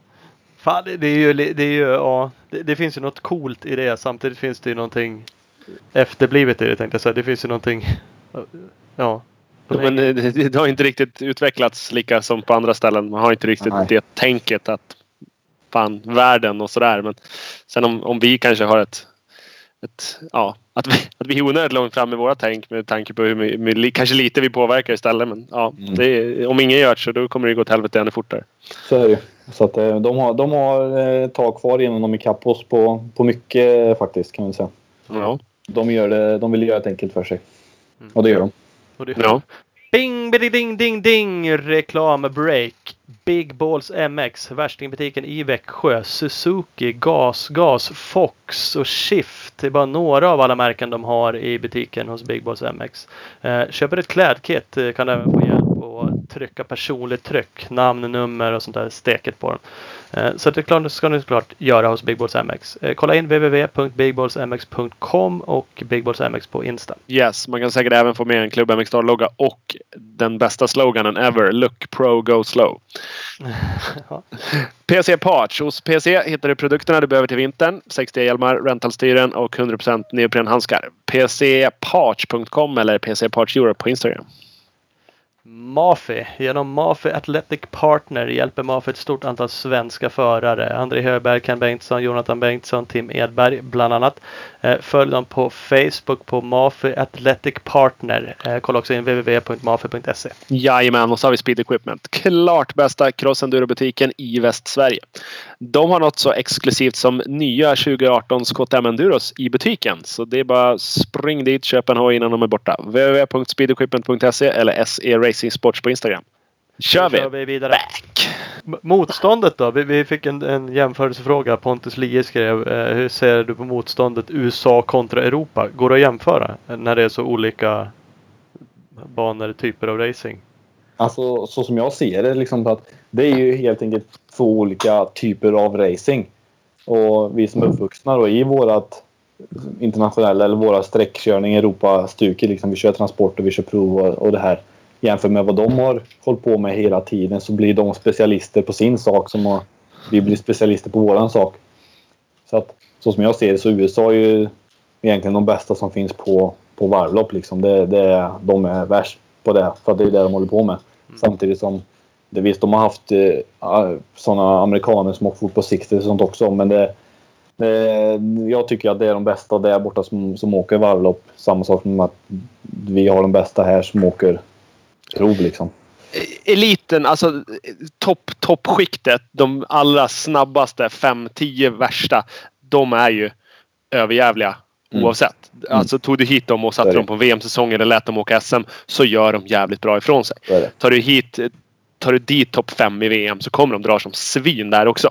Mm. Men, men det är ju sen liksom. Tog du dit motionärerna därifrån och lät dem åka ett SM så skulle de ju ha problem mera. Men eh, med Mm. våra motionärer som tycker de åker bra på, på Gotland skulle det förmodligen bli skjortade där på ett GNCC.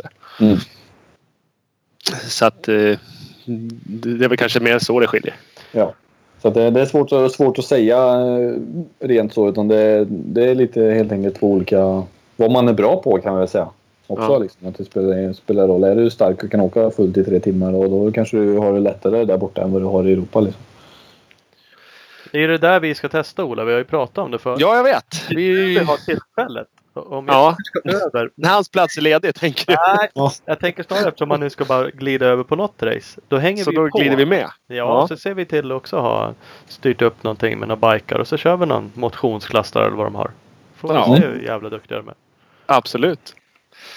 Jag är sjukt vass på att ta min plats när jag behöver den. Så att det, ja, det kan bli spännande. Det Nej, men skri- du skriker ju mycket och du lyckas ju skrämma Ja. folk här. Där kommer Ja. de ju bara fucka ner dig. Typ. Fast jag har inga som helst problem att köra ner folk heller. Så att det där löser sig nog. Men snarare om man blir nedkörd så är det bara dammar om det. Ja. Nej men absolut. Det vore ju grymt. Det är bara, det är bara att hoppas att Jesper förstår att vi menar allvar nu så han löser något. Jo, jo. Ja, ja, jag ska göra vad jag kan. Ja, gött mos. Fan Ta, ta med Kul. det i dina förhandlingar nu som du Ja, har. exakt. Och eh, två supportkillar här. Eh, Det är mitt krav liksom. Jag kommer inte att köra utan nu är, nu är det så här då. Ödlan och brorsan ska med här också. Ja. Det är lite så. Annars blir det inget. Ja, ja, det är fantastiskt. Men eh, det måste ju vara jävligt mycket roligare att åka och dra i de här sprint eh, fullgas-endurorna. När det liksom, det var mera din grej. Så var det och det, det var ju något som jag kände mig tryggare på också. Liksom. Sen var det ju Ja, det är ju ett cross och ett, ett enduroprov då liksom. Och sen är det ju bara prov då. Så att det är ju Ja. inga transporter eller någonting. Nej. Och så som det var i början så var det 45 minuter break mellan varje prov hela tiden. All Sen right. körde jag prov 45 minuter, sen körde jag cross, eller ja, alltid crossprov först. Crossprov 45 minuter, enduroprov och sen så ja, höll det på så bara. Och då var det ju nästan, man liksom satt där i, i servicen och bara, ja, du vet, Somna istället. och lite sånt liksom. Mm. Så att eh, men det, det passar, ju mig, passar ju mig bättre egentligen just den typen av körning. Att det är 110 procent i, i åtta minuter liksom. Det är vad jag är starkare på jämfört med vad de har varit. Och sen så problemet där, eller problem, problemen. Där åkte jag ju på en 250 i en öppen klass, en pro-klass då. För att jag vill egentligen åka samma cykel i GNCC och sprinter för att inte hålla på och hoppa emellan. Så att jag körde ju 250 mot då, de flesta 450 för det var ju ändå när Strang och de här var där och åkte så alla åker ju 450 cyklar. Och då fick jag, jag blev ju ett större namn just i sprinten. För att där åkte jag ju fort och det var nästan ingen som slog mig någon gång. som åkte 250 när jag var nästan snabbast 250 varje gång och var med topp 5 liksom, i, i den här öppna klassen. Och det, det var ju bra liksom, och då, då åkte jag fort. Liksom. Jag, var med, jag, var, jag tror jag var en tiondel på, från att slå eller vinna ett prov. Det var Swipe som var en tiondel före. Så att det, där åker jag ju bättre och där står jag mig bra mot dem också. Liksom. Ja, det, det, det är såklart kul. Det går inte att komma ifrån. Så är det. Och sen åkte vi på golfbanan också. Det var ju inte så tråkigt. Nej, det var en rätt. Det var en annorlunda tävling såg det ut Det som. var lite annorlunda. Det var, det var ju efter den tävlingen sen som Maxen hoppade ur led igen. Det var ju på kvällen när jag kom hem där. Så jag var rätt nöjd att jag hann köra den i alla fall. Det Ja, var lite sån här dröm som bara... tråkigt om det hänt- hade hänt på vägen ur. Alltså, då, liksom. ja, men när du böt om på dagen innan och bara fått stått och sett det där istället. Ja, ja då hade jag varit, då hade jag varit besviken. Va- Var det liksom en aktiv golfbana? Ja, eller ja, ja, det var det. Det var egentligen en privatägd bana. Så han, eh, och det var en riktig öppen bana liksom, bara att den var, den var privatägd och han eh, hade väl mycket pengar så han hade en golfbana, en crossbana och ett zoo hade han i trädgården. Ja. Så att eh, han gjorde lite vad han tyckte var kul. Och då Det hade är han ju lite tuffare än de flesta svenska killar som har ah, men en liten sån här byggd bana på åkern hemma. Men han hade både en golfbana och ett zoo plus det Ja. alltså. Ja, så att, eh, han var ju top level liksom. Ja. verkligen. Eh, och sen så hade han, han hade bara egentligen, för jag känner ju Jason och han som har sprintserien och han hade egentligen bara ringt till honom och sagt att du, vi har en golfbana, vill ni komma och köra eller? Typ. Så det var, det var ju inte så svårt. Nej. Ja, det är coolt. Det är jävligt Jag, coolt. ty jag tycker vi är lite exklusiva här i Ytterhogdal för vi kör en mittenduro-tävling i motionsspår, alltså i elljusspåret. Mm. Får vi Det är till. fint också. Ja, det är också gött. Det är ju jävligt bra för att vara svensk, eh, svensk standard så. Men en golfbana det är ju lite värre. Ja, det, det var det är topp liksom. lite glassigare. Mm. Men vi fick inte åka på greenen tydligen för det var så mycket återställning på det. Ja. Men annars så körde vi överallt. Ja. Ja. Ja, fy fan. Det här är coolt. Mm. Så ska det vara. Eh, vi fick några andra frågor. Yes. Frågor. Vad hade vi för något? Den får vi ofta. Den här med lite träning. Linus Burling skrev hur många timmar per år kör du träna tävla på motorcykel? Det Den kanske vi ska bara lägga in. Vi kanske ska bara lägga in den själva. Alltid fråga det. Ja. Mm. Ja, det är väl standardfråga. ja. Eh, och egentligen, helt ärligt, så har jag haft sjukt dålig koll innan det här året hur mycket motorcykel jag egentligen har kört. Ja, när jag har varit hemma då, liksom, om man har bytt cyklar och sen så mm, kommer man inte ihåg sen när året var slut hur mycket timmar den första cykeln hade gått och så vidare. Och så vidare. Eh, men i år så har, ju ha, har jag ju haft ett sjukt motigt år. Eh, så att jag har ju åkt lite motorcykel mot vad jag hade hoppats på och vad som var tänkt av olika anledningar. Så att jag har typ åkt 100 timmar motorcykel i år. Och det är ju, det är ju lite. Det är ju, då har jag ju missat. Speciellt på sånt kontrakt jag hade. Jag hade egna banor, jag hade mekaniker, jag hade allt liksom. Och ändå inte fått ihop mer än det. Så då blev ju det... Ja, det, var ju, det var ju för lite helt enkelt. Så det är ju dåligt. Så det dubbla hade väl varit bra. Eller bättre. Har, har har du haft möjlighet liksom att köra dygnet runt tänkte jag säga? Du, du har banor där du kan köra dagtid när Ja. som helst. Ja, så vi hade ju egna banor då precis där jag bodde och så där. Sen, sen jag hade min mekaniker då givetvis och han skötte ju egentligen racebiken. Det var ju, det var ju hans uppgift. Liksom. Han frågade vad jag ville ha för däck och sen, så, sen skötte han ju den. Sen att jag var ute och körde motorcykel och tränade och sånt. Liksom, det, var ju, det fick jag ta hand om. Jag, liksom, jag tvättade min hoj och sånt där. Och sen var det något så hjälpte han givetvis med. Men, så att jag hade inte full uppbackning hela, hela, hela tiden. Utan han skötte ju mest racehojen liksom. Så att, Mm. eh, men eh, ja, jag kunde köra, jag kunde köra motorcykel eh, mycket. Kunde. Men i de där 100 timmarna då är racerna med också. Ja, det är det. Ja. Så att då har du ju åkt. Ja. För En tredjedel är ju, av dem är ju race också liksom. Ja, det kan vara något mer än 100 timmar, 120 kanske. Jag vet inte exakt. Men Ja, det är i alla fall för lite mot vad det, mot vad det skulle ha, ha varit. Ja. Kan man säga. Ja. Ja, det är intressant. Ehm, en annan fråga, nu ska du få vara coach här. Uh, Jeremiah Gadd. Uh, Jeremia Gadd. Ja. Vad är det vanligaste misstagen som motionärer gör? Oj, ja. Det, det kan ju vara blandat. Kan man ju säga. Eh, men största misstaget egentligen det är ju så som jag, om jag, när jag, har- jag har ju haft en del läger och träningar och sånt själv då. Eh, och, och, och kört. Eh, och eh, vanligast vanligaste motionärsfelen är ju i sväng egentligen. Alltså rent åktekniskt. Då, att de sätter sig för tidigt, kommer in i en sväng, får inte tryck på gaffeln och får svårt att svänga cykeln helt enkelt. Ja, och sen så när man kommer in och, och i sväng då att man ofta fäller in ytterarmbågen istället för att fälla upp den lite grann. För fäller du upp den lite så tippar du inåt då. Fäller du inåt så blir det nästan att du, att du stretar emot att du rätar över kroppen och åker gaffeln också isär och då, då åker du ju ur sväng helt enkelt. Eh, Det är väl eh, ganska, det är en klassiker liksom. Kan man, kan man anlita liksom, kommer det bli mer sådana grejer i år? Eh, Träningsgrejer, kommer du köra sådana läger och prylar? Ja, det är ju tanken att jag kommer att göra det igen och det gjorde jag ju mycket innan. Eh, innan jag åkte dit borta. Så jag har även kört där borta för amerikanare då. Eh, så att jag har hållit på med lite sånt här också. Men eh, det är tanken att, att jag ska köra lite mer sånt igen. Och det tycker jag är, kul. Det, så att eh, det, det har jag inget problem med att göra liksom. Kul, kul, absolut. Ja, Cool. Vad hade vi mer? Vi hade, eh, ja, Mattias Lund frågar vad är det svåraste att få, ihop, att få ihop sponsorer på material eller rent ekonomiska spor- sponsorer? Jag vet inte om han menar där borta eller här hemma men där borta hade de väl löst det mesta åt det. Mm, ja, där borta så var ju allting fixat och det som är stor skillnad på våran enduro eller våran motorcykelåkning överlag och amerikanska är att amerikanska marknaden är ju så sjukt stor jämfört med vad svenska marknaden är. Så att kollar du på teamen i, i USA så är ju alla sponsorer egentligen som de har kommer ju inom branschen. Liksom det är ju, kommer ju att ska vi köra med, med kläderna så ska vi ha fria kläder hela året och också här mycket pengar annars är vi inte intresserade för att då vill någon annan klädmärke göra för att de måste göra så. För Mm. betalar de inte ett, ett större team eller de här teamen för att köra med grejerna då, då finns de liksom inte på marknaden.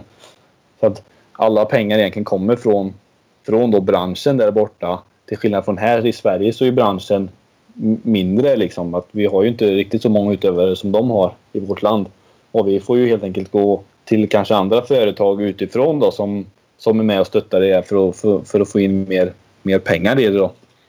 Eh, Men just då skillnaden på materiella och, och eh, pengar är ju, det beror lite på. Alltså eh, vissa företag kan ju bara ge grejer och du kanske har större nytta av vissa, vissa grejer också. Att vissa företag ger bara grejer och det är skitbra. Det är värt hur mycket som helst.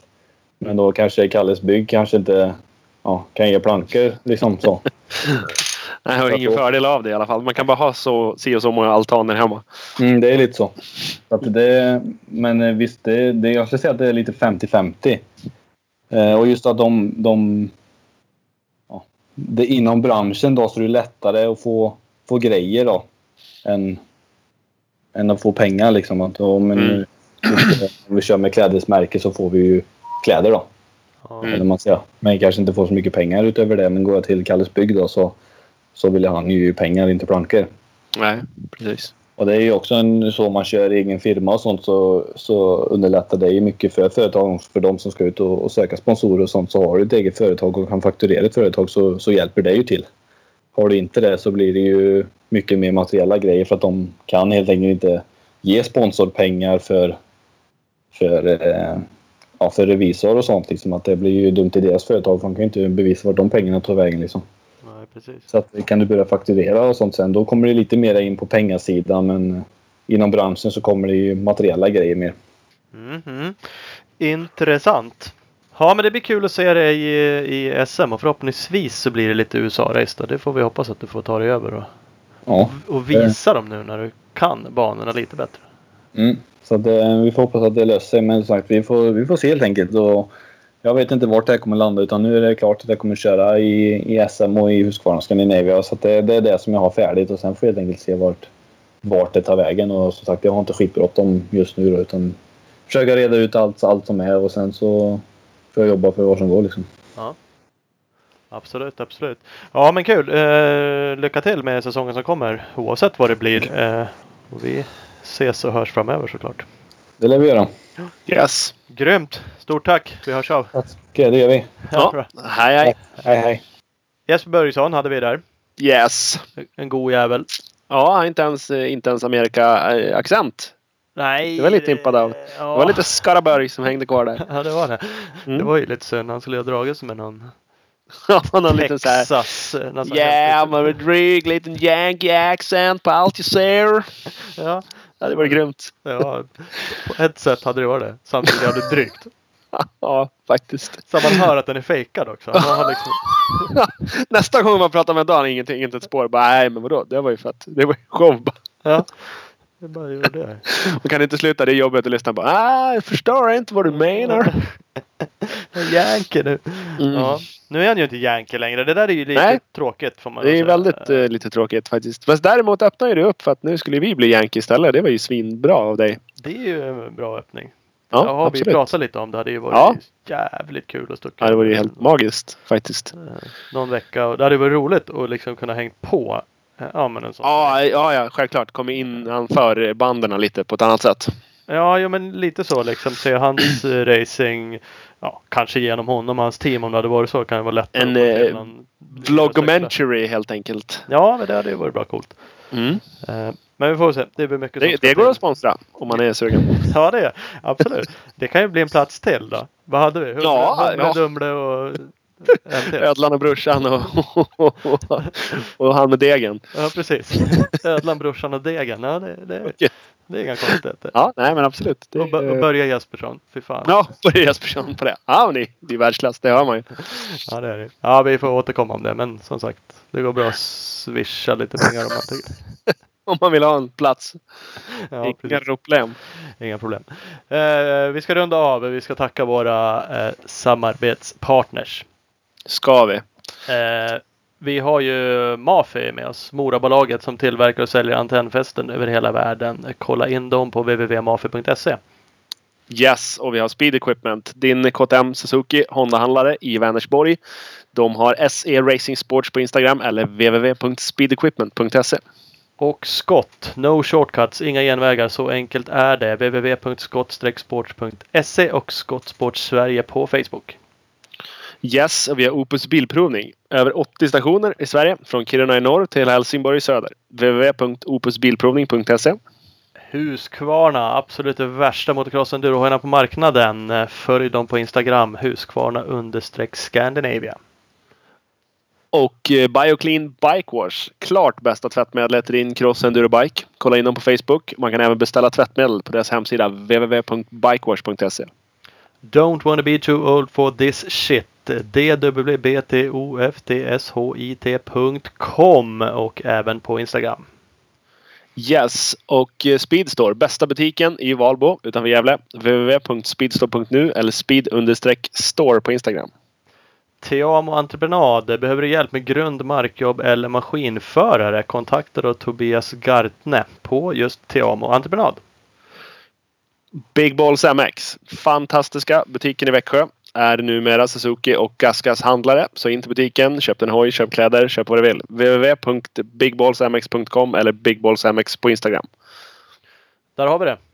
Yes, vi har även en ny tekniksponsor. Så alla ni som har tyckt att ljudet på min mick har varit crappigt. Ni lär ju skicka ett mail till Frankotyp Postalia i Stockholm och bara tacka dem så hemskt mycket. För det är de som lånar ut ett headset åt mig så att jag låter sådär crisp och härlig som jag gör nu för tiden.